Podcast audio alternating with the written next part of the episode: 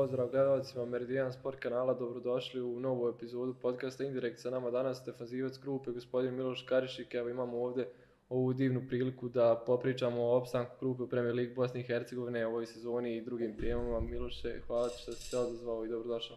Dobar dan, bolje vas našao i hvala vam na pozivu, zadovoljstvo je moje da razgovaramo s vama. Ovako, evo negdje prvo što se nameće, duga, teška i mukotrpna sezona. Na kraju, kolo prije kraja, e, izboren je taj opstanak kakvi, kakvi su osjećaj sad, da li je, da li je pao kamen sa srca i kako su, kakvi su impresije? Jeste to. Konačno smo izborili taj opstanak, što se kaže, borba je bila baš onako neizvjesna do samog kraja. Gledajući ovaj drugi dio polusezone, stvarno smo odigrali jako dobro s izuzecima neki jedne ili dvije utakmice koji su bile onako malo lošije, ali ove ostali su stvarno bile na nivou. Odigrali smo dosta dobro što kod kuće gdje smo pobijedili sve direktne konkurente za opstanak, što na strani gdje smo uspjeli da uzmemo bod širokom, gdje smo izgubili od e, Veleža Mostaru, ali smo pružili jednu zaista dobru partiju i na kraju kad se sve sabere i oduzme, mislim da smo, da smo sasvim zasluženo ostali u ligi, jer igre koje smo prikazali u drugom dijelu polusezone nas na to i navode da smo stvarno bili na nivou da ostanemo u Premier ligi. U ovom prošlom kolu Olimpike trebao doći u goste u Kanjon Tijesno, ali se svašta nešto dešavalo te sedmice, pa možete reći da do ono par dana prije utakmice niste uopće znali da li ćete igrati utakmicu ili nećete, koliko, koliko ste se pribojavali toga možda da vas i poremeti na nekom planu i što misliš o toj situaciji što se Olimpik nije pojavio na gostovanju? Pa sigurno da je bila nezgodna situacija iz prostog razloga što smo se mi spremali za tu utakmicu kao finale svega onoga što smo radili u prethodnom periodu. Znači te sve prethodne utakmice su bile kvalifikacione za tu posljednju utakmicu protiv Olimpika gdje smo odlučivali direktno opstanku ligi. Onda su se pojavile te priče da oni neće doći, doći će i onda je stvarno bila jedna nezgodna situacija. Mi nismo se nismo dozvolili da nas ode koncentriše, da odustajemo od našeg plana i stvarno smo do posljednjeg trenutka maksimalno radili kako na treninzima, tako i van terena gdje smo se onako u dogovore, u nekim razgovorima pripremali za tu utakmicu i na kraju su odlučili, oni tako kako su odlučili, šteta mislim, ali ipak to je njihova odluka i ja ne bih da zalazim u detalje. Da, to, to nije spriječilo vas, izađete na teren, ti si postigao taj pogodak onako koji je kružio društvenim mrežama, što se kaže, gul za opstanak. čija je to ideja bila? Pa jeste, to na kraju smo došli na tu ideju, ali smo ipak to ostavili što se kaže na kraju kad se sve završilo, kad je definitivno radnik izgubio Sarajevo, onda smo to odlučili. Ideja je bila, mislim da je Dujak. Dujak, Nikola Dujaković je to odlučio u dogovoru sa još par igrača, njih nekoliko su se dogovorili da to uradimo i mislim da je to na kraju onako ispalo korektno. Nismo nikog, ne da je Bože, pocijenili ili uvrijedili, sve je to bilo korektno i mislim da smo zaslužili, i to je neki vid što se kaže izduvnog ventila, da pokažemo koliki nam je teret pao sa leđa. Na tebi bila čast da zatresiš mrežu? Jesu, to ja kao najstariji momci su meni ukazali čast i hvala im na tome, da ja postignem jedan gol.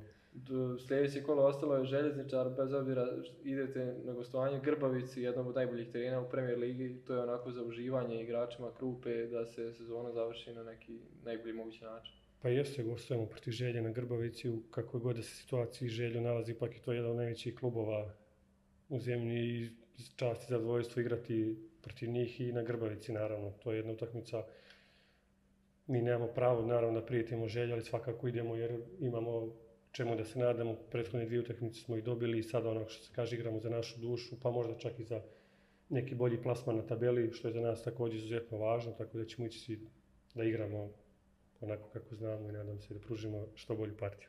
Čitava sezona Krupe je bila nekako promjenjiva od tog prvog kola i prvog dijela sezone gdje i nije sreća pratila toliko Krupu, neke stvari se dešavale, možda nije ni igra bila na nivou kao što u drugoj polusezoni, ali eto, u toj prvoj polusezoni ste šest bodova uzeli upravo protiv željezničara, što je onako malo na svakidašnje, skoro pola bodova je bilo protiv željezničara. Jeste, jeste. U prvom dijelu sezone, kao što ste rekli, neke utakmice zaista nismo ni imali sreće, nekima nismo igrali dobro, ali na kraju kad se pogleda, mislim da nekim utakmicama zaista ono, eto da najdem primjer Olimpika, Radnika, pa čak i Veleža kući smo izgubili sigurno nekih, ajde ne pretjerujem, šest bodova.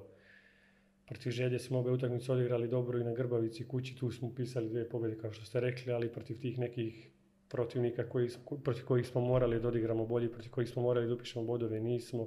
Nažalost, šta je bila posljedica svega toga, ne bih sad ulazim i da se vraćam unazad, ali sigurno da nismo igrali i da nismo bili na nivou iz ove druge polusezone. Razgovarali smo baš koliko je stvari dobro bilo, bez nije bilo kalkulacija to naravno, ali koliko je se stvari ispostavilo kao bolje e, nakon tog okružnog sistema završiti kao poslije plasirani nego kao drugi dru, e, kao 11 tim na tabeli, jer bukvalno svi su konkurenti dolazili u kanjon. Jeste, mi stvarno nismo pravili nikakve kalkulacije, niti smo se bavili time. nam je bila želja da u drugom dijelu sezone, kad je krenulo ono već završetak drugog kružnog sistema, da dobijemo utakmice koje smo mogli da dobijemo. Nažalost nismo, završili smo zadnji na tabeli, ali na kraju kad se sve sabere oduzme, izgleda da je to bilo najbolje. Jer smo direktne konkurente dočekivali kući, igrali smo kući protiv njih, a opet morali smo da ih dobijemo što smo na kraju i, i odradili i eto, to nam je sigurno značilo na kraju. Koliko vam je teško bilo i koliko je možda utjecalo na vas to što ste tri puta, ste, tri puta mijenjali trenera u toku sezoni, morali ste se prilagođavati skoro nakon tri, četiri kola sa novim trenerom?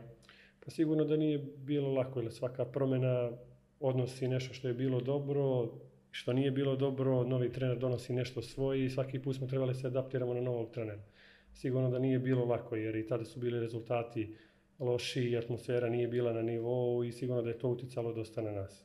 Na kraju, eto, posljednji trener što je došao donio nešto novo, nešto što se na kraju pokazalo kao najbolje i sigurno da smo napravili veliki uspjeh ostankom u ligi. Koliko se bilo teško nametnuti novi trener kada je došao Vladimir Ilić, dosta mlađi i od tebe i od većine sa igrača, koliko se teško bilo naviknuti neke stvari, koliko su koliko su se s obzirom da je ranije bio tu i zajedno sa svim njegovim pomoćnicima. Jeste, ovako što ste rekli, Vladimir je ranije bio tu ulozi pomoćnog trenera, sad kad je došao preuzeo ulogu glavnog šefa, donio je nešto svoje, neke svoje metode, neke svoje zahtjeve, igru koju kako on želi da igra i sigurno da nam je to mnogo značilo. Vladimir je, što se kaže, dosta strog trener, disciplinovan, kod njega je disciplina na prvom, na prvom mjestu i to se meni jako sviđa. Ne pravi razliku između starijih i mladih igrača, svi su mu isti i kako ko trenira, tako igra. Kod njega, znači kako treniraš, tako igraš, što se na kraju i pokazalo u komu ligi. Mi smo stvarno fenomenalno trenirali, odradili smo dobre pripreme i na kraju, eto, to se vratilo na najbolji mogući način.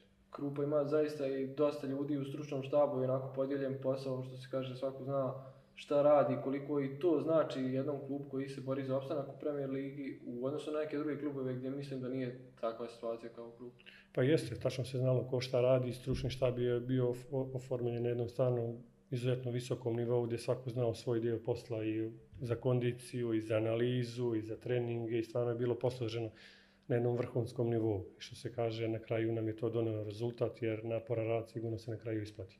Mislim da je u drugoj sezoni i javnost i ljubitelji futbala i Premier Lige Bosne i Hercegovine bili iznenađeni igrom Krupe, ne iz tog nekog razloga da je Krupa davala dobar po nekim drugim, klubo, drugim klubovima i koji su u gornjem dijelu tabele, nego iz tog razloga što je Krupa igrala eh, od golmana, što nije, nije prebacivala igru, što je izlazila visoko skoro svakom protivniku, čak i Velažu Mostaru, jedno jako dobro gostovanje gdje imala nekoliko šansi pre rezultatu 0-0, nije se nisu taj pogodak, kraj poraza, ali bez obzira jedan jako dobar utisak na svim utakmicama što je grupa osjela. Koliko je to i tebe iznenadilo? Pa jeste, kao što sam i malo prije rekao, isto Vladimir je sa svojim stručnim štabom donio nešto novo. Neki svoj stil igre kako oni žele da ekipa igra, znači od golmana sa što više pasova, što, što više akcija, sa visokim prestigom što smo i pokazali u nekim ranijim utakmicama, nismo se branili ni protiv koga, da li igrali protiv nekog iz donjeg dijela tabele ili iz ekipa koji su gore u vrhu, mi smo igrali protiv svih isto. I kada smo igrali dobro i kada smo gubili, što se kaže, onako gubili smo da izlazimo sa terena, da navijač ne znam da li smo dobili ili smo izgubili ili smo išli ponosno. Tako da je to jedan onako kvalitet više koji je taj stručni štab doneo i stvarno je bilo u ovom drugom dijelu sezone igre su bile na nivou i ljudi koji su to gledali okolo koji nemaju veze sa bosanskim futbolom dosta mojih prijatelja me zvalo vidjelo se, se taj napredak u igri i samim ti rezultati su došli kao posljedica toga. Ove sezone je bilo dosta onako ekipa i u gornjem dijelu tabele koje se borili za vrh, ali tome ćemo nešto kasnije, a dosta je bilo i u donjem dijelu tabele koje se borili za opstanak. Koliko je i to značilo što nisu recimo samo dva tima da se odvojila na dnu, nego da je liga izjednačena. Pa jest, ove, ove godine Liga baš bila izjednačena i u borbi za titulu i u borbi za opstanak zaista je bilo neizvjesno. Svako, svakog je mogao da pobjedi, bilo je dosta iznenađujućih rezultata gdje su favoriti gubili bodove protiv ekipa koje, koje se bore za opstanak, tako da sa te strane zaista bilo zanimljivo i onda svaka, u svaku utakmicu smo morali dolazimo maksimalno koncentrisani, maksimalno motivisani, jer bukvalno u svakom meču su nam bili preko potrebni bodovi za, za onu borbu koju smo vodili na kraju. Koliko je ljepše igrati u tom nekom ambijentu, jeste, malo, jeste pritisak veći normalno kada je, kada je rezultat neophodan, ali kada znaš da i protivničkoj ekipi treba pobjeda, treba bodovi, treba ekipi nekoj tamo drugoj utakmici, koliko je ljepše igrati tu ligu onda?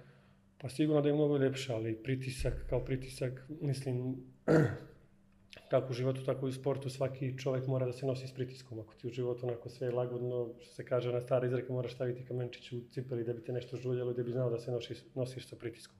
Nama je od početka drugog dijela post bio pritisak svaka utakmica. Mi smo svaku utakmicu morali da pobjedimo i na kraju kad pogledate, ekipa rase sa pritiskom kad nauči da raste, da igra, da živi sa pritiskom, onda će sigurno pružiti bolje partije negdje u budućnosti I, ti svi momci u nekim drugim klubovima, u većim klubovima kad odu da igraju pred više publike, sa većim zahtjevima, sigurno će znati da se nosi sa pritiskom jer su ga naučili ovdje u ovoj situaciji. Također, spomenuo sam koliko ste i iznenadili igrom neke ljude, ali ono što je mene i prijatno iznenadilo, ne, u ne mogu reći iznenadilo što sam primijetio je koliko je grupa i fizički dominantnija od većine ekipa u Premier Ligi Bosne i Hercegovine i skoro svaku ekipu ste natočali. se, nemam tačne baš podatke, nažalost, ali tako mi djelaju ovdje sa strane. Pa jest, kao što sam malo pre rekao u neformalnom našem razgovoru, stvarno smo radili vrhunske pripreme. Pripreme su bile vrhunske i stvarno smo ih odradili na jednom visokom nivou. Ja to moram da pomenem stvarno zahvaljujući profesoru Sekuliću koji je pojačao stručni štab ove zime, koji je donio neke novitete u našem radu i koji su prijale svakom igraču i svaki igrač je napredovao, tako da smo to pokazali na terenu i ovom prilikom eto hvala mu na tome jer stvarno donio nešto novo. Kako komentarišeš ishod gornjeg dijela tabela, je kolo prije kraja zna se da je borac šampion. Pa na kraju kad pogledamo situaciju kojoj je bilo Sarajevo da je na polusezoni imalo 13 bodova više i da je uspjelo to da prospe. Borac je drugi dio poluzone stvarno odigrao na jednom vrhunskom nivou što su pokazali na derbiju kada su dobili 0-2 i mislim da su sasvim zasluženo osvojili titulu i čestitam ovom priliku. Kad je počeo drugi dio sezoni, da li vjerovao da Sarajevo može ispustiti tu prednost, s obzirom koliko je dominantno bilo u prvom dijelu polusezone od tih nekih evropskih utakmica do domaćih gdje su prilično lako pobeđivali Pa iskreno nisam. Iskreno 13 bodova je baš velika razlika iskreno nisam vjerovao, leto eto, futbal je čudan, život piše romane i na kraju niko nije vjerovao u nas da ćemo izboriti opstanak, ni bora da će osvojiti titulu, ali zato je i futbal najpopularnija sporedna stvar na svijetu i donosi neka iznenađenja, sigurno da su ovo da kažemo neka iznenađenja.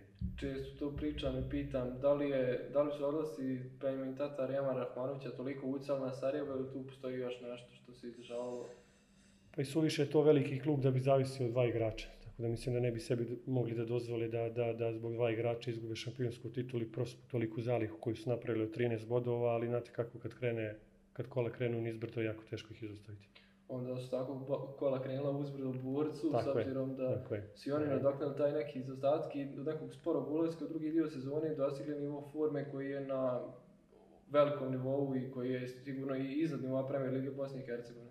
Jeste, stvarno su drugi dio sezone odigrali na, na vrhunskom nivou, momci nema šta, svaku utakmicu su pobjedili, svaki derbi su dobili, prikazali su najviše od svih ekipa iz gornjeg dijela tabele, eto, dočekali su svoju šansu, na kraju su iskoristili, zasluženo su tu Da, te još neka ekipa ove sezone pozitivno iznenadila ili neka možda neprijatna? Pa pozitivno iznenadio Široki Brijeg, Velež, Tuzla City je isto dosta dobro igralo, a neprijatnom možda železničar. Možda železničar zato što su u početku stvarno i oni krenuli jako dobro, bili su u vrhu i onda je krenulo serija loših rezultata i na kraju su završili u tabele. E, gdje ti je najteže gostovanje u Premier Ligi Bosni i Hercegovine? Pa sigurno, ima ih dosta. Koji, koji je stadion onako da te ostaje u nekom sjećanju kad, kad trebaš ići, ali tamo mi se ne igra? Pa volim tako tu neku, da kažemo, zapaljivu atmosferu, gdje navijači prave atmosferu a Nažalost, ove godine nismo imali priliku da igramo pred navijačima i onda je svako gostovanje bilo, što se kaže, ono, bez publike, kao da igramo kući. Svejedno je da li igramo kući ili na strani. Ali onako, protiv Slobode u Tuzli mi je onako nezgodno. Tu mi je baš tu i u Mostaru protiv Zrinskog. Da, e, rekao bi sad da voliš igrati publike gdje, je gdje, su, uvijek navijači druge ekipe, ako igrate na gostićim utakmicama, s obzirom to je opet drugačije što se tiče Premier Lige u odnosu na možda Superligu Srbije, jer većina klubova ima svoje navijačke grupe. Pa jeste, ali ovdje isto imaju, na primjer, pogledajte u Srbiji Zvezda, Partizan, Vojvodina, što imaju neki rad, trena navijače, ovi ostali manje više, što se kaže, domaći igrači. Ovdje imate i Slobodu, imate i Zrinski, i Mostar, i Borac, i Sarajevo, i Željo, i stvarno na nekim stadionima se pravi vrhunska atmosfera. Tako da su te strane i ovdje jako zanimljivo i interesantno. Kada se dolazi u Premier Ligu, da li si očekivao ovako nešto što se izaskao i nivo futbala i infrastrukturu i da kažem neku izjednačenost lige ili te iznenadila? Pa iskreno, mislim, ja sam 88. godište i nisam toliko zapamtio što se kaže bivši Jugoslavija, ali iz priča sam čuo, znao sam za klubove i za Slobodu, iz za Borac, za Zrinski, i za Sarajevo, i za Želju, sve sto klubovi, i za Velež, klubovi sa velikom tradicijom, tako da nisam iskreno bio iznenađen. Jesam možda malo bio upitno kvaliteta, ali stvarno posle evo prva godina, ovo mi sad druga godina u Krupi sam jako pozitivno iznenađen i mislim da je kvalitet na jednom visokom nivou. Stadioni su također dobri, svake godine se napreduju u nekom smislu i sigurno da sve ide uzlazno putanje. Ja opet, rekao sam jednom na početku, nemam nažalost tu neku statistiku, ali smio bih se okljeti s nekim da si u, među prva tri štopera po broju dobijenih vazdušnih duela, što je onako malo i specifično s obzirom na tvoju visinu. Da li je to neka tvoja najveća prednost igre, taj skok, dobar tajming? Pa verovatno. Mislim da svaki štoper ima dobar skok, pa tako i ja. Možda je to jedino što ima. dakle, dajte, to je neki kvalitet. Mislim da su, kao što sam rekao, da svaki štoper to ima, skok tu igru, eto to me krasi.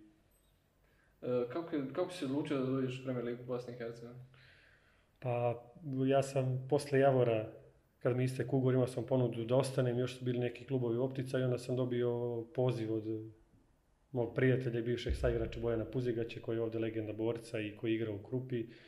Dobio sam njegov poziv i eto, htio sam da probam nešto novo i nisam se pokajao. Spomenuli smo ovdje na formalnom razgovoru baš kako se čini život u Banja Luci, Bosni i Hercegovini. Fenomenalno, iskreno da kažem eto ne pretjerujem, bukvalno sam se zaljubio u Banja Luku i da tog sam mišljenja u razgovor s svojom porodicom, da prošli put nisam otišao iz Krupe one prve godine, da sam nastavio u kontinuitetu, sigurno da bi ostao ovdje da, živim, jer Banja Luka je fenomenalan grad, porodičan onako, porodica mi isto uživala, ja uživam, tako da sam prezadovoljan. Porodica je trenutno u Srbiji, ako se navaram, a kao isti za budućnost ugovor ističe sa grupom ovog ljeta? I jeste, porodice u Beogradu, pošto supruga radi, ja sam tu ostavljam da živim na relaciji Beograd-Banja Luka. Ja da mogu iskreno ostaviti čitav život u Banja Luci, nije sve na meni, više nisam sam, tu i porodica, tako da moram i s te strane da razmišljam i o njima, pa vidjet ćemo dalje što će biti. E, bez obzira sad ovdje što si u Banja Luci, u Krupi, Premier League Bosni i Hercegovine, ti si ponikao i dijete Partizana. Kako je, kako je došlo u stvari do tog dolaska u Partizan ako, ako nisi rođen u Beogradu? Jeste, ja sam rođen u Crnoj Gori u Bijelom polju, tamo su mi dalje roditelji, tamo imam kuću, što se kaže, tamo je pola mene ostalo, jer mali sam otišao iz Bijelog polja sa 12 godina, 13. Tada sam igrao za reprezentaciju Jugoslavije, mlađe kategorije pionirske selekcije su bile, tada još uvijek bila zajednička država Srbije, Crna Gora i Jugoslavija tada se zvala. Igrao sam za pionirsku reprezentaciju, dobio sam poziv od Partizana i onda eto, hteo sam da, da probam nešto novo, život u Beogradu, prošao sam čitavu školu Partizana, zadržao se tamo 12 godina i što se kaže naučio i životne i futbolske lekcije i zaista sam ponosan što sam bio dio tog kluba. U omladinskim školama Partizana si istekao neke prijatelje što se za čitav život, da li bi izdvojio neke koji su kasnije napravili velike karijere i dobro poznate imena? Pa jeste, ja sam imao zadovoljstvo da sam bio član jedne od najtalentovanijih generacija Partizana, pa mogu slobodno da kažem čak i u čuvena generacija 88. na čelu sa trenerom Igorom Spasićem i tu su bili igrači koji zaista kasnije napravili fenomenalne karijere, Marko Jovanović koji je trenutno član borca, Nenad Marinković, Miralan Sulejmani, Ivan Obradović, Ivan Radovanović koji je sada u Dženovi, da nekog ne preskočim, Brana Milošević, Branislav Stanić, Nemanja Tomić, tako da je to bilo zaista jedna Aleksandar Lazevski, fenomenalna generacija i svi ti igrači, šta su kasnije napravili kroz karijeru je dovoljan dokaz o kakvim igračima se radi, o kakvoj generaciji se radi. Dugo godina si bio u Partizanu, da li je ostala neka žal zbog toga što nisi debitovao u prvoj ekipi? Pa jeste od petlića, bukvalno skoro do prvog tima sam bio u Partizanu, prošao sam sve mlađe kategorije, bio sam dugo i u teleoptiku, to je bukvalno B tim Partizana, bio sam i kapiten, s prvim timom sam trenirao, igrao neke prijateljske utakmice, nažalost nisam odigrao nijednu zvaničnu utakmicu, sigurno da ima žala, ali isto tako ima i velikog zadovoljstva jer sam prošao čitavu školu Partizana, igrao sa svim tim igračima i uspio nešto napravim kroz te mlađe kategorije i sigurno mi je čast i zadovoljstvo što i dalje imam i prijatelje i što je Partizan ostao dio mene. Kako je bilo odvojiti se od Partizana i kako je generalno kad dođe rastanak sa klubovima, da li je to nešto što te, teško prihvataju igrači ili, ili je jednostavno to profesionalnost i dešava se? Pa iskreno da budem, meni je bilo izuzetno teško. Sam, kao što sam rekao, tamo sam bio 11-12 godina, ja sam kao osoba i kao igrač teško se adaptiram u početku na novu sredinu i posle 12 godina u Partizanu, gdje sam bukvalno znao svaki čašak, svaki kamen, otići iz Partizana je zaista bilo teško za mene, ali, ali došlo je vrijeme da moram nešto novo da probam i morao sam krenuti nekim drugim putem.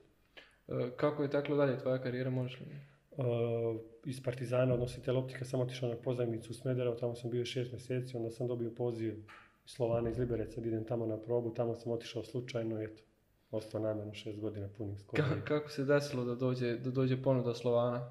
Pa moj prijatelj je igrao u Slovanu tada i zvao me da, dođem na probu, ja sam otišao, iskreno, onako bio sam 20, 21, 21 godinu sam činim, da otišao sam da probam, zašto da ne, nisam bio u prvom trenutku, nisam bio za odlazak iz inostranstva, jer još uvijek nisam napravio u Srbiji ono što sam htio da napravim.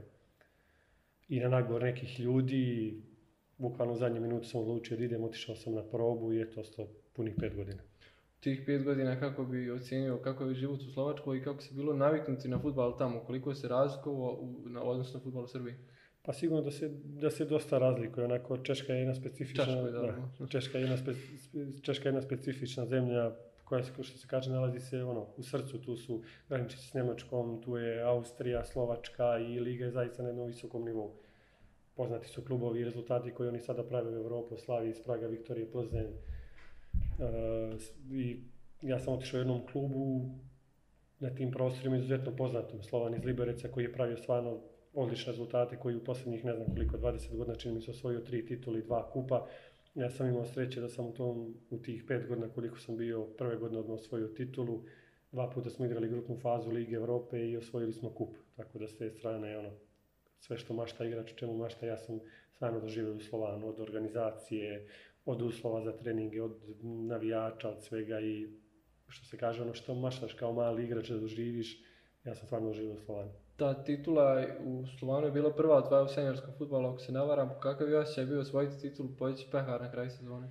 Pa jeste, to je moja prva sezona kad sam došao odmah, kaže iz Srbije, kad sam došao i tamo u tom trenutku sam zatekao igrači. ja sam bio među najmlađim igračima. Samo su bili vrhunski igrači, stari igrači, iskusni koji su prošli sve, a u tom trenutku Slovan je bio treći klub, mislim ono, realno gledajući po kvalitetu, po budžetima i po svemu ispred nas su bili i Slavija, i Sparta, i Viktorija Plzen i niko nam nije dao ni promil šanse da možemo bilo šta da uradimo.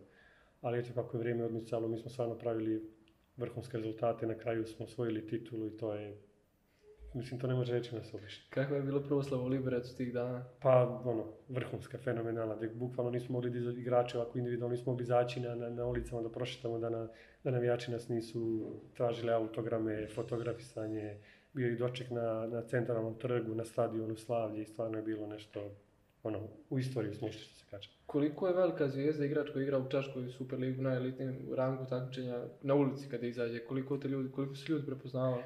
Pa znate kako, uf, oni baš, baš vole futbal i baš su, baš su, baš su posvećeni futbalu i svaki navijač prati klub u kom se nalazi, da li to bili u Pragu, da li u Liberecu, da li u Brnu, da li u nekom drugom gradu. Svaki igrač je izuzetno cijenjen i poštovan toliko da, ono, ja se sjećam, to neka mala, što se kaže, sitnica svaki igrač što mora da nosi kartice sa svojim likom koji dobio od kluba i da tako dijeli navijačima i da potpisuje, jer to sve navijači dijeli. Ja, na primjer, kad smo išli na, putovali neka gostovanja i kad izlazimo iz autobusa, često su nas očekivali ljudi sa albumima. Prosto sam bio iznenađen da imaju slike kad sam bio u pionirima Partizana i oni traže potpise zato što to ljudi skupljaju i s te strane su me oduševili i poštuju igrače, da li pravio dobre ili loše rezultate, nije bitno da daš maksimum da budeš profesionalac, a sve ostalo je, što se kaže, ovako ili onako. Da li su to neke stvari možda koje se trebaju promijeniti i kod nas i da se i kod nas počne, počne gledati na futbal i igrače tako kao što se gleda recimo u Češkoj i tim drugim europskim ligama, to su neke sitnice koje opet puno znače i vama kao igračima i generalno navijačima. Pa jeste, slažem se, ali sve je to nekako stvar mentaliteta ljudi, drugačiji smo mi mentalitet od njih. Mi idemo, na primjer, iz krajnosti u krajnost, kod nas kad pobjeđuješ, svi ti dižu nebesa i najbolji si, čim jednu utakmicu odigraš loše, katastrofa si, ne valjaš ništa, dok je kod njih to drugačije. Kod njih je bitno da ti na terenu daš svoj maksimum, da pružiš svoj maksimum, a kad pružiš svoj maksimum sigurno da i oni to znaju da cijene i da li izgubi ili pobedio, sigurno da da oni najbolje vide. Da li je manji pritisak igrati u Čaškoj nego u Srbiji i Bosni i Hercegovini? Pa zavisi, tamo su isto veliki klubovi, tamo su nekim klubima traže rezultati. Sigurno ja sam imao da sam bio u Slovanu u tom trenutku klub koji je bio među, koji je tražio svoje mjesto da bude u Evropi. Eto, mi smo titulu i kup i kako je vrijeme odmicalo, kako smo pravili te rezultate. Iz godinu u godinu su, smo navikli navijači i medije da moramo da ponavljamo taj, te uspjehe i s te strane možda bilo, ali kao ovdje, u tom smislu ne. E, kako si na, na život generalno u i koliko, je, koliko se razlike od ovog u Banja Pa dosta se razlike, iskreno budem u početku. U početku mi je bilo onako malo olakšavajuća okolnost jer su tu bila dva momka sa, sa naših prostora, međutim oni su posle dvije godine otišli i posljednje tri sam ja ostao sam tamo, ali sam naučio jezik, stekao prijatelje, ali mnogo se razlikuje. Nema toliko kao ovdje da posle treninga, posle utakmice izađeš sa društvom, da sedneš na piće, na ručak, na večer, da prošetaš. Tamo je sve što se kaže posao kući, odmor i svako ima svoj život. Poslije te tri godine, da li, si, se družio ovako privatno sa, sa igračima ili sa nekim tamo lokalnim stanovništvom? Pa i sa jednima i sa drugima. Družio sam se i sa igračima i dan danas sam u kontaktu sa nekim od njih i sa ljudima iz kluba, tako da ono kad sam savladao jezik, kad sam već jezik počeo da pričam što se kaže kao naš, onda sam se družio sa svima i, i bilo je sve kako Razgovarali smo u tom periodu u Slovanu, bilo zaista nekih futbolera koji su i ranije imali velike karijere koji su sad napravili karijere. Recimo tada je bio Vladimir Kufal koji se igrao u West Hamu, bio je Ondrej Kolar, Golman Slavije. Nažalost, on je nama postao i poznatiji zbog ove povrede skoro što ima u Ligi Evrope. da li si u kontaktu sa njima možda ili? Jesam, jesam, sa Androm Kolarom se čujem redovno i dan danas, jer smo stvarno bili nerazvojni u Slovanu, čak imali jednu zajedničku, zajedničku istu povredu koju smo lečili, onako što se kaže zajedno. Cofal isto bio u, Slovanu, on je sada u, u West Hamu, kao što ste rekli, a ja kada sam došao u Slovanu te 2011. 2012. godine, tad su bili baš onako ti stari vrhunski igrači koji su tada igrali u reprezentaciji Češke koja je bila predvođene Nedvedom i Falušijem, Rosickim, bio je Iri Štajnar koji je igrao 10 godina u Hanoveru, bio je Radoslav Kovač koji igrao u West Hamu, bio je Jan Nezmar, sadašnji sportski direktor e, Slavije iz Praga, koji je, mislim, jedan najbolji strelac u istoriji češkog futbola, tako da je zaista s te strane bilo vrhunskih igrača i bilo je zadovoljstvo igrati sa njima i učiti od njih. E, kako je bilo upravo biti sa njima djeca, biti sa igrač koliko su ti pomogli da napraviš i kao futbaler i na nekom drugom planu? Pa, kao što sam rekao, ja sam došao sa 21 godinom tamo, oni su već bili u zenitima karijeri, imali su po 33-34 godine i onda ono, znao sam ko su i šta su i bilo mi je onako malo, gledao sam ih što se kaže s velikim poštovanjem, a moram da budem iskren i da priznam, ja sam tamo došao na probi i jedan od glavnih uticaja na gazu tadašnjeg na trenera su imali baš ti iskusni igrači, su vidjeli moj odnos na treningu i sve ono što sam pružao tad i oni su bili jednih od zagovornika da ja treba tu da ostanem i sve te godine su cijenili moj rad i moj odnos. Znači da su baš dobro prihvatili nekog mladog igrača koji na prvu dođe iz Srbije i iz Superlige. Pa jesu, jesu iskreno da budem prihvatili su me dobro, a s druge strane ja sam eto, imao neki taj odnos da sam bio stvarno profesionalac i radio sam maksimalno ne zbog njih nego zato što sam ja jednostavno takav još iz mlađih kategorija Partizana pa do dana današnjeg i onda su vjerojatno oni to znali da E, kakav si odnos imao sa navijačima Slovana? Da li su i oni cijenili isto kao i sa igrači i uprava zalaganje i borbu? Jesu, jesu, moram da priznam da jesu i dan danas eto, znaju neki da se javi, ostaju ja, pošto ja nemam te društvene mreže to, ali znaju moj broj telefona, pa mi ponekad i napišu poruku i čujem se, tako da stvarno je bilo sve što se kaže na vrhunskom nivou. Kakva je atmosfera na utakmicama, koliko je, je posvećenost na utakmicama Slovana i kakva je atmosfera u Čaškoj, ligi? Pa Liberec je jedan grad onako na granici sa Njemačkom i dosta, dosta vuku taj mentalitet i to po našim utakmicama baš odatle. Znači, kobasica, pivo, pivo, sede, pivo. pivo kobasica, sede, gledaju utakmicu, nema nekog onako, ima grupa i tih najvatrenijih navijača, ali sve stvarno u skladu sa, sa, sa onako, profesionalizmom i na nivou su moram Pored lige, spomenuo se svojili ste i kup. Koliko je kup došao u dobrom tom nekom trenutku za vas i da nastavite taj, taj trofej pa jeste, te godine sjećam se da smo igrali Evropu i stvarno smo imali loše rezultate u prvenstvu, toliko loše da smo se bukvalno borili smo se za opstanak, igrali smo odlučujući uf, utakmicu kući protiv Hradec Kralove, ako pobjedimo, baš kao situacija što smo sad imali krupe, ako pobjedimo ostajemo u ligi i ja sam na toj utakmici dao gol prvi za pet godina, znači tu isto, sam imao velikog udjela i onda je došlo finale kupa protiv Jablonice, Jablonice koji u tom trenutku imao stvarno vrhunske igrače, jedan od njih je bio i Hupšman, bivši kapiten Šahtjora i u finalu kupa nam niko nije dao realno velike šanse, na kraju smo ga osvojili što se kaže, ono, zakružili putovanje na pravi način. Koliko se evropske utakmice razlikuju od svega drugog što si prošao u karijeri i što si igrao? Koliko je to jedan drugi nivo? I osjećaj kad se izađe na teren i prije utakmice i poslije, sve što se dešava? Pa jeste stvarno jedan drugi nivo, ja sam imao sreće, kao što sam rekao, u, Slovanu odigram i dva puta tu Ligu Evrope, neke utakmice sam igrao, iskreno budem većinu sam bio na klupi, ali sam uspio da doživim tu atmosferu dolaska na stadion, svi tih protokola u efinih, putovanja privatnim avionima i zaista to je nešto ono što igrač treba da doživi, jer kako kažu, ono, zaradiš ili ne zaradiš, ali uspomenu sve za čitav život. Kolika je napetost, recimo igrali ste protiv Udineze za, ulazak u Ligu Evrope, kolika je napetost u, u tim duelima? Pa te dvije utakmice protiv Udineza, sjećam se da smo bili ono, apsolutni outsideri, niko nam nije davao ni promil šanse, ali što se kaže ono, u životu kad krenu kola uzbrdo ili nizbrdo, niko ih ne može zaustaviti. Mi smo imali sreće da pre svega uđemo u utakmicu s Udinezom, bilo nam je bitno da se ne obrukamo, da pružimo maksimum u tom trenutku koliko možemo, da pružimo otpor, na kraju smo zabeležili pozitivan rezultat i ušli u grupnu fazu Lige Evropa ta grupna faza Lige Evrope i također još jedno veliko iznenađenje koje je Slovan priredio i prolazak u knockout fazu. E, ti si čak igrao u Portugalu gdje, je isto bila odlučujuća utakmica. I jeste, to ja prije toga sam bio ono, treći štoper sam bio, bio sam na klupi, igrao sam i nisam igrao, tu posljednju utakmicu protiv Štorela u Portugalu odlučujuća utakmica koja je bila iza nas, i za njih. Ja sam igrao, na kraju smo dobili 1-2, prošli smo grupu i stvarno isto jedan fenomenalan rezultat i zadovoljstvo bilo biti dio toga. Jel bio doček u Liberecu? kakva je atmosfera u klubu kada se prođe grupna faza i to kluba koji je outsider koji, kojem se nisu davale prevelike šanse da, da napravi taj uspjeh, da pr- prije svega dođe tu gdje jeste? Da, da, pa kao što sam rekao, to sve zavisi od, od mentaliteta ljudi, a oni su ljudi koji za razliku od nas ne idu iz krajnosti u krajnost. Kada dobijemo nešto, oni slave taj dan i sutra dan je već sve gotovo. Kada izgubimo, posle utakmice se isto tugo i gotovo. Znači nema neke prevelike euforije. Za takve neke rezultate je bilo, moram da priznam, bilo i dočeka, bilo i slavlje i svega, jer realno niko nije očekivao u Europi takve rezultate ćemo napraviti. Tako da je bilo i slavlje i dočeka. Priprema utakmice protiv AZ Alkmara, to je 16. finala Lige Europe.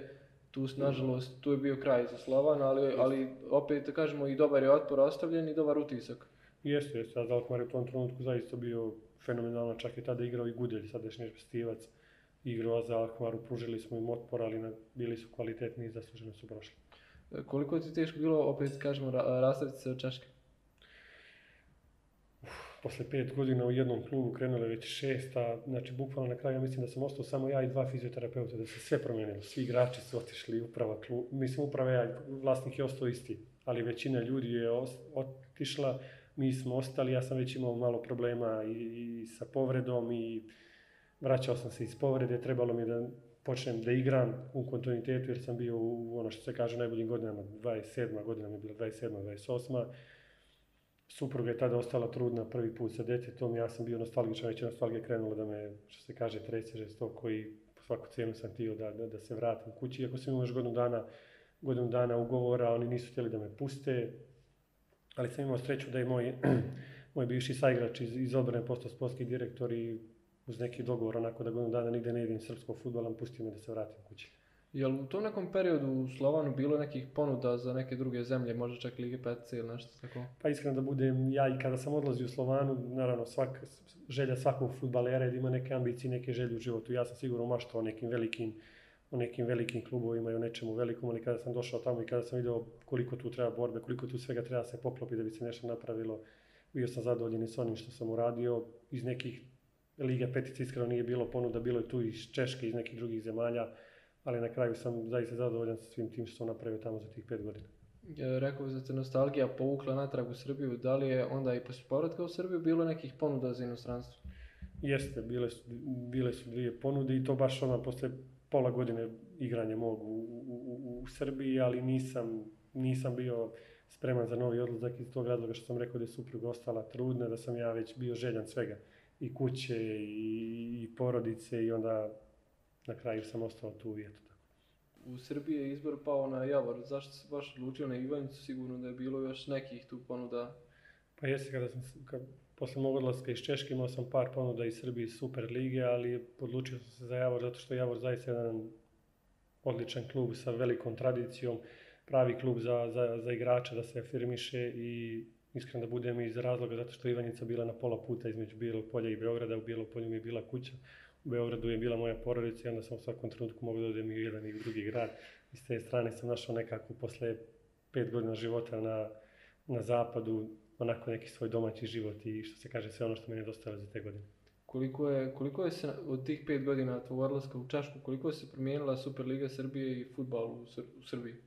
Pa sigurno dosta se promijenila i infrastruktura i stadioni i sve ono što je bilo ranijih godina problem srpskog futbola za to vrijeme mog osoba sigurno se promijenilo, stadioni su mnogo bolji, reflektori su se na većini stadiona izgradili, utakmice u večernjim terminima su igrane s te strane zaista je bio evidentan napredak. E, neki igrači sigurno s kojim si igrao u omladinskim kategorijama i prati ih si igrao, a s kojim sam u kontaktu su tada bili u Superligi Srbije. Šta su ti oni govorili u tim trenucima kada se trebalo vratiti? Pa svi su bili u čudu. Svi su bili u čudu jer sam ja imao još godinu dana ugovora u, u Slovanu i mogao sam tamo, i mogao sam tamo ostati i da živim i da nastavim da igram futbal, ali ja kao što sam rekao nisam više mogao zbog nostalgije, zbog svega jer sam onako malo više privržen svojoj zemlji i svojoj kući i svi su se čudili.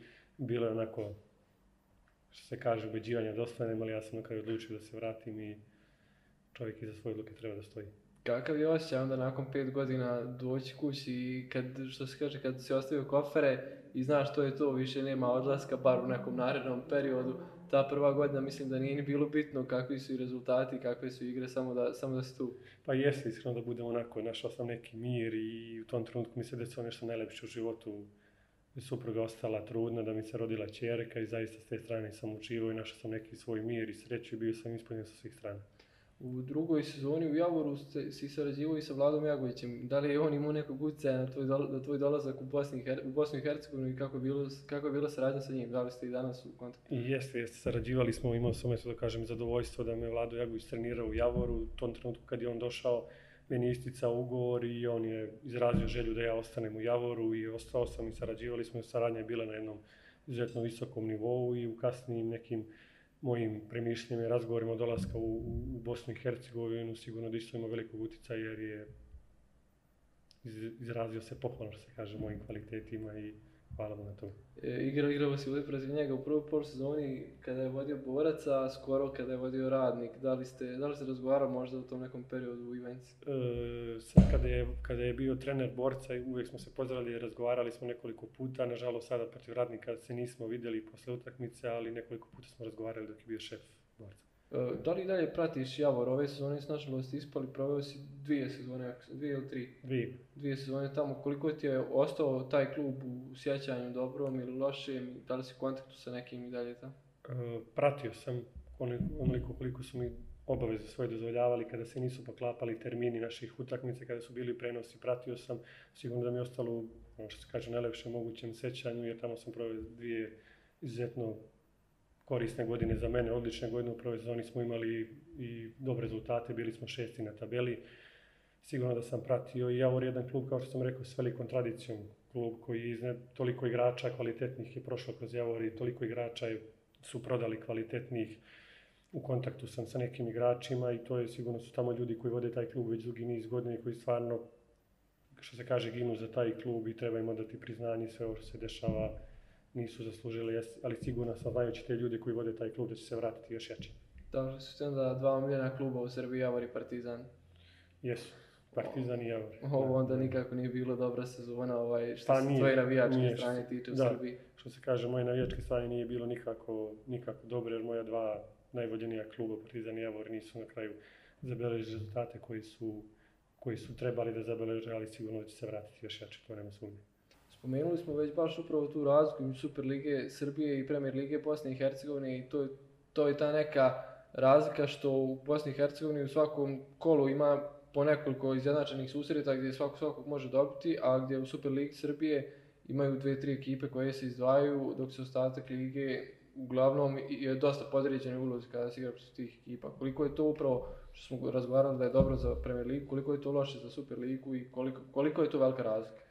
Pa sigurno da kao što ste rekli ima velike razlike jer u Bosni i Hercegovini svaki klub svakog može da pobedi, svako kolo se desi neko iznenađenje da favorit izgubi bodove dok je u Srbiji onako što se kaže obrnuta situacija. Tamo se zna dva ili eventualno tri kluba se bore za titulu, sve ovo ostalo se bori ili za ostanak ili za sredinu tabele i za neki izlazak u Europu. Međutim, iz godine u godinu vidimo da se i minjaju isto situacije u Srbiji, da svake godine neki novi klub iskoči u prvi plan. Prošle godine Vojvodina osvojila kup, CSC se podiže, Čukarički se podiže, Radnički iz Niša i sigurno da će svake godine biti sve zanimljivije i zanimljivije. A čak možda i bude neko iznenađenje pa neko drugi bude šampion. Da se vratimo još malo onda na Premier ligu Bosne i Hercegovine, ostalo je posljednje kolo. Šampion se zna, e, zna se koji ispada. Ono što se ne zna još uvijek je to jedno mjesto koje vodi u Europu, čak i dva, ni nije osigurao 100%, koga vidiš na ta dva mjesta od ta tri kluba?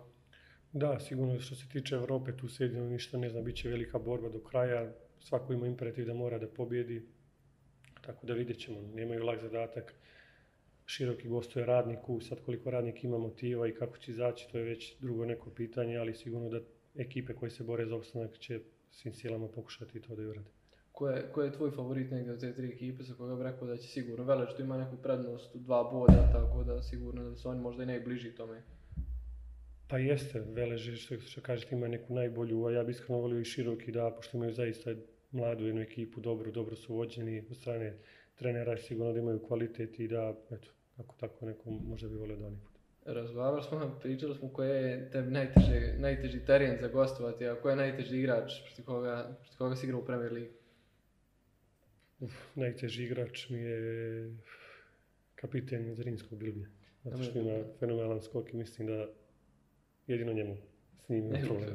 A, omiljeni sa igrač, na treningu, koga je najteže čuvati od sa igrača? Na treningu najteže čuvati od sa igrača imamo dva napadača, Ačimovića i Mandića i njih sačuva svakam čast. Oni su zaista fenomenalni, iako imaju drugih igrača, njih dvojica su mi onako, pošto sam ja štoper, oni su napadači i s njim imam najviše kontakta, tako da njih dvojica su jako nezgodni. Ima li neko ko na treningu bježi od, bježi od tebe? Nema, svi idu maksimalno, svi treningi. nama su trenizi često krupi kao utakmice, mi imamo na treninzima neke te igre na skraćenom prostoru i često igramo u nečemu, pa se te igre na treningu pretvore onako prave neke utakmice bude prava borba. E, atmosfera ono prava, prava timska i užarena Jeste, atmosfera je stvarno prava, što su, što su pokazali na kaj rezultati, jer onako napravila se neka grupa gdje bukvalno provodimo ako ne čitav dan zajedno, onda sigurno pola dana gdje zajedno idemo i na ručko i na kafi, imamo te team building i sigurno da smo pokazali da je atmosfera jedan od ključ uspjeha i to nas je dovelo do ovoga. Na gostovanjima s kim si najčešće cimer? Kako, kako provodite vrijeme na gostovanjima? Na gostovanjima sam cimer stalno sa Nikolom Mandićem u sobi smo onako odmaramo malo, prošetamo, imamo neke svoje rituale pred utakmicu, ali uglavnom odmaramo i neka prošetamo i tako. Izdvajaju li se možda neki rituali ti pred utakmicu ima neko baš specifično nešto što mora odraditi? Pa nema, uglavnom svi isto, eto, posle nekih tih putovanja, ono, kad dođemo u hotel, što se kaže, imamo večeru, tuširanje, možda neka onako, što se kaže, lagana masaža i onda se okupimo u jednoj sobi, ako ima neka utakmica da svi zajedno gledamo i u pola 11 smo već svi u svojim sobama hvala ti na ovom gostovanju što si izdvojio vrijeme, zaista mi je bilo drago. Želim vam u da se na najbolji mogući način krupa opšti do ove sezone Premier Lige, a već u narednoj da stvari budu kako, onako kako ti želiš i što, na tvom nekom ličnom planu i na planu krupe. Hvala vam puno lijepim željama i bilo mi je zadovoljstvo da gostom našoj emisiji. Poštovani gledalci, hvala što ste gledali. Bio ovo još jedna epizoda podcasta Indirekt, Ostanite sa nama i vidimo se za 7 dana.